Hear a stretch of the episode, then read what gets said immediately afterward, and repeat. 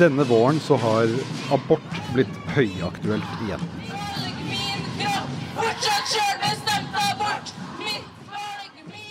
For krefter i flere av partiene på venstresiden, de vil ha omkamp. De vil fjerne abortnemndene og la kvinner utføre abort som de vil, flere uker senere enn i dag.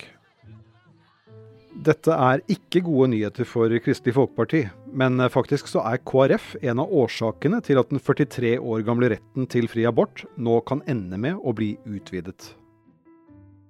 Du hører på Forklart fra Aftenposten. Jeg heter Kristoffer Rønneberg, og i dag er det torsdag 11. mars.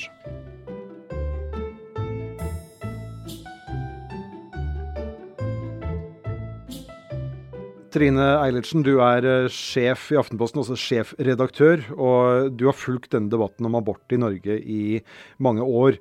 Hvorfor eh, er du engasjert i denne debatten?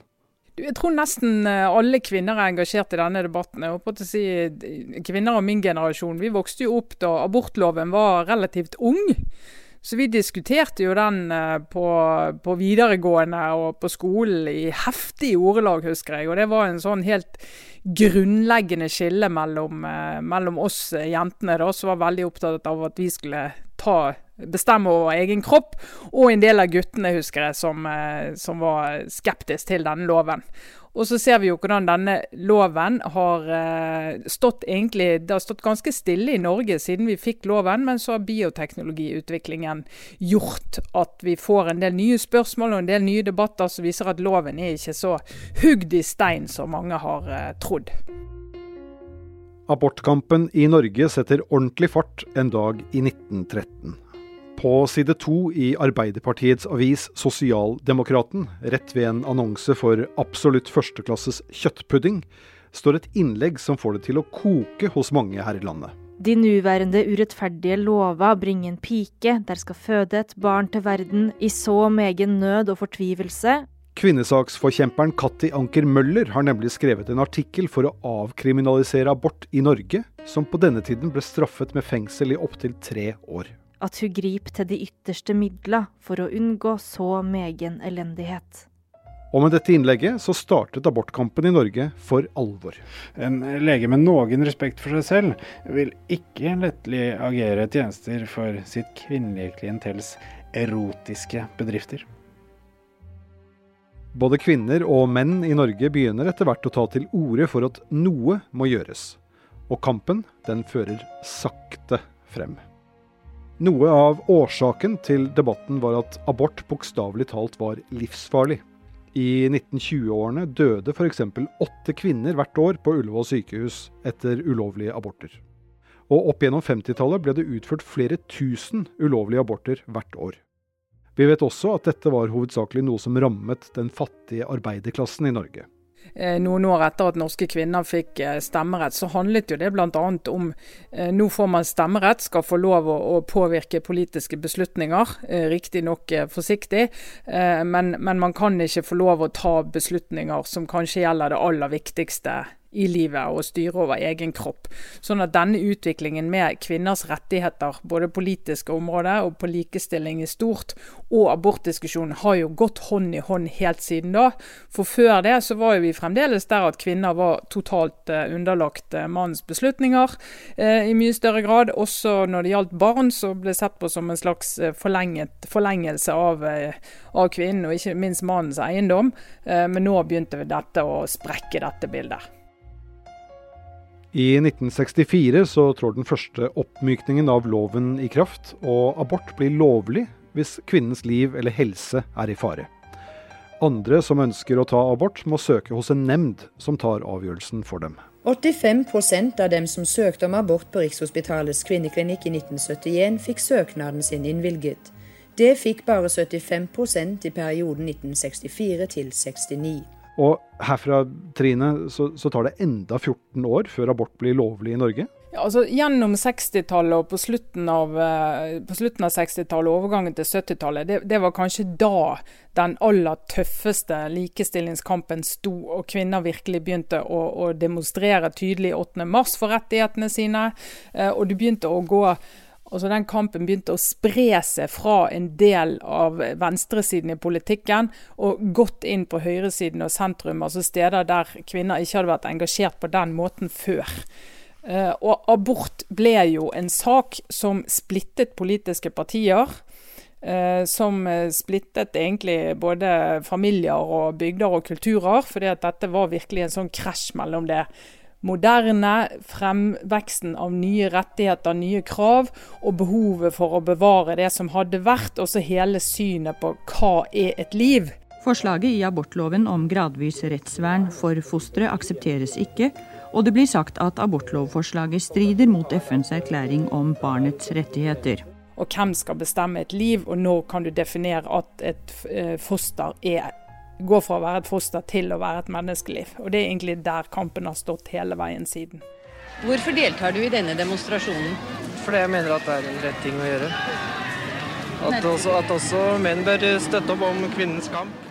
Og dette var jo som du sier en, en, politisk kamp, men det var jo også en kamp som foregikk ute i gatene med demonstrasjoner på, på, begge sider. Kan du fortelle litt om det?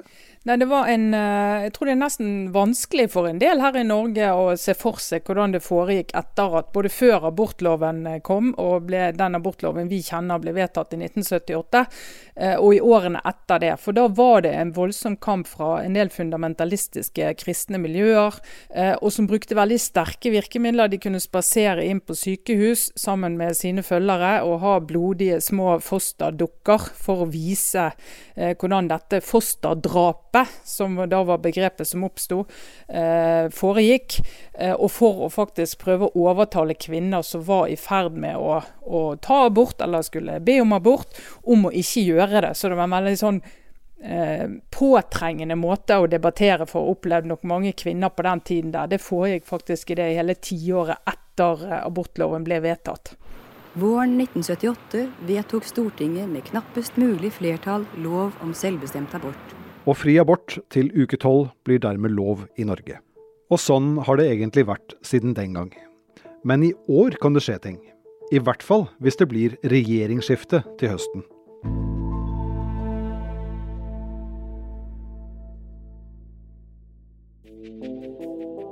Etter at abortloven ble vedtatt i 1978, så har den stått ganske fast. Du har retten til fri abort frem til uke tolv i svangerskapet. Og etter det så må saken opp i nemnd, som kan tillate senabort frem til uke 22. Disse nemndene tar bl.a. hensyn til sykdom eller andre forhold i kvinnens livssituasjon. Som oftest sier de ja. Den norske abortloven har fungert godt. Altså Aborttallet har jo gått ned. Eh, kvinner har fått eh, bedre tilgang til prevensjon, og altså forhindre at de blir uønsket gravid. Det er kanskje det aller viktigste som har skjedd det siste århundret. Eh, og de abortene som, som vi da gjennomfører, de er, jo, de er jo blitt færre. Men så ser vi jo at eh, bioteknologi som gir muligheten til å finne ut eh, hvilket kjønn fosteret er, hvilken helsetilstand fosteret er i, og når i svangerskapet dette kan oppdages, det har gjort at eh, abortloven blir utfordret fra begge sider. Så skjer det noe høsten 2018 som gjør at vi får en ny debatt om loven i Norge. Vi skal gå gjennom endringene i regjeringen steg for steg. Og vi starter i Barne- og likestillingsdepartementet, hvor det har blitt et skifte. Linda Hofstad Helleland går helt ut av regjeringen, og ny barne- og familieminister blir Kjell Ingolf Ropstad fra KrF. Kristelig Folkeparti går også inn i regjeringen til Erna Solberg. Tidligere hadde de vært støtteparti og nesten fått gjennom et forslag om at leger skulle kunne reservere seg fra å henvise kvinner til abort. Og våren 2019 kom abortspørsmålet på bordet på nytt. Partiet ønsket å forby retten til abort når fosteret kom til å bli født med misdannelser eller alvorlige arvelige sykdommer.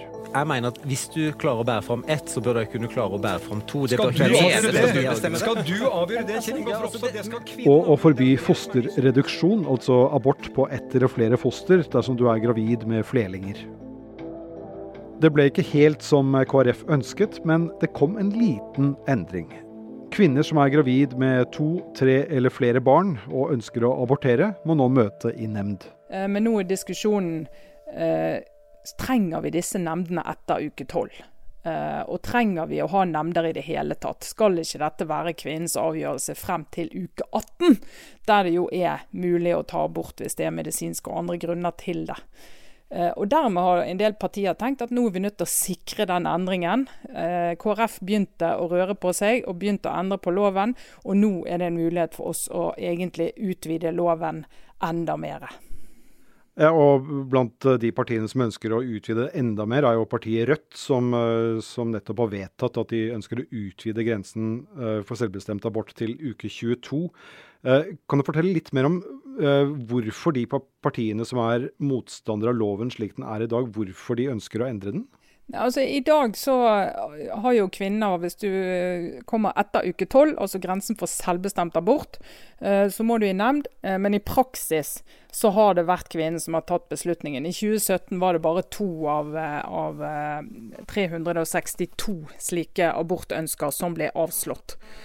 Eh, men nå sier man eh, med denne endringen som KrF har fått inn, med fosterreduksjon som skal foregå i nemnd, også før uke tolv, og sier at nå må vi bare ta et oppgjør med disse nemndene. Altså Enten bestemmer kvinnen over sin egen kropp frem til det, den perioden der fosteret går fra å være noe som ikke er levedyktig utenfor mors liv, til å bli det. For det er liksom der vi nå flytter grensen mot, og sier at den sier Rødt at den går på uke 22. Eh, eller så, eller så trenger vi på en måte ikke å ha eh, denne loven sånn som den er i dag. Så derfor du nå får en kamp om liksom dybden i denne selvbestemmelsen.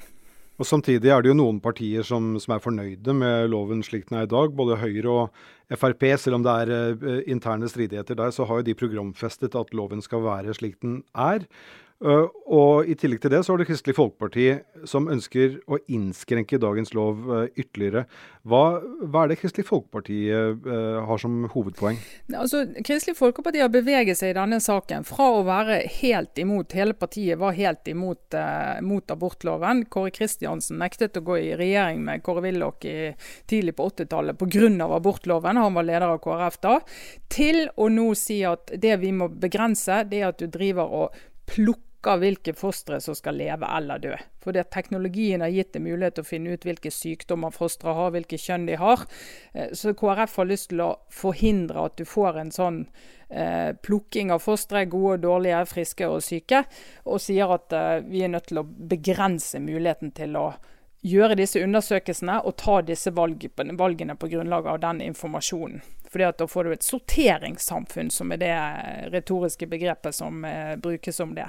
Og I Høyre og i Frp og de andre som ønsker loven sånn som den er, så tror jeg de tenker at den er en, loven har fungert som et gyll, et gyllent kompromiss som har både ivaretatt eh, ønskene til de som er redd for at vi skal utvikle oss i en retning der du kan plukke fosteret du ikke vil ha, etter hvert som du får mer kunnskap om det, eh, og eh, for de som ønsker og mener at du må ha selvbestemmelse for kvinnen så langt som mulig. Debatten om å endre abortloven er titt og ofte i mediene og i den politiske diskusjonen. Men det er en ting som gjør at debatten som går i partiene nå, er ekstra spennende og viktig. For om du hadde glemt det, så er det valgår i år. Og vi kan få en ny regjering, i hvert fall hvis vi skal tro meningsmålingene.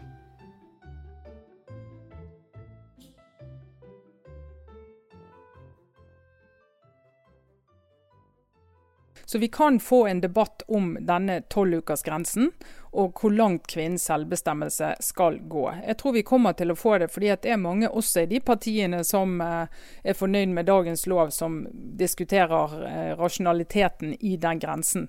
Men jeg tror det kan bli en, en ganske tøff debatt. Den eh, forrige abortdebatten vi hadde i 2018-2019-vinteren, den var utrolig tøff og hard. og ja, dette her går virkelig i kjernen på veldig mange, særlig kvinners politiske engasjement. Eh, samtidig som han kan virke mobiliserende for deler av KrFs eh, velgergrunnlag. Men oppmykningen av loven, eller de forslagene vi har sett, de kommer jo i, i hovedsak fra, fra venstresiden. Kan et regjeringsskifte faktisk bety at uh, vi kan komme til å endre abortloven i Norge? Det kan det gjøre. Eh, nå er jo Senterpartiet en veldig, veldig sannsynlig regjeringsparti hvis det blir regjeringsskifte. Eh, og Senterpartiet har ofte fulgt KrF tett i disse sakene, så det er ikke gitt at det blir det. Men det kommer til å være et press fra, fra både kvinnene i Arbeiderpartiet og mange andre i Arbeiderpartiet og eh, SV om at, du, om at du får gjort noe her. Eh, men samtidig så har jo Arbeiderpartiet levd veldig godt med kompromisser med Senterpartiet og, og også med, med, KrF i Stortinget i mange år, som har gjort at vi har hatt den loven vi har hatt så lenge. Så vi skal, vi skal ikke forskuttere hvor vi lander henne, men at det kan bli en debatt og at den blir ganske tøff, det, det tror jeg vi kan uh, se for oss. Og Dette er jo en sak, og du var inne på det i stad, at det deler jo Norge litt. Og det er i kjernen av manges politiske engasjement. Eh, dette spørsmålet om abortloven, hva i dine øyne er det det handler om i bunn og grunn? Nei, det har, det har nok forandret seg litt i løpet av de 40-50 årene. Fra å være en sånn skal kvinner få lov å bestemme så mye over seg selv at de også bestemmer over et annet menneske, som eh, en del da eh, regner, regner disse fostrene som, til å bli en debatt om hva muligheter gir teknologien oss til å ta valg Eh, og hvordan vil det påvirke hva sammensetning vi har av de barna som blir født i Norge eh, i årene som kommer.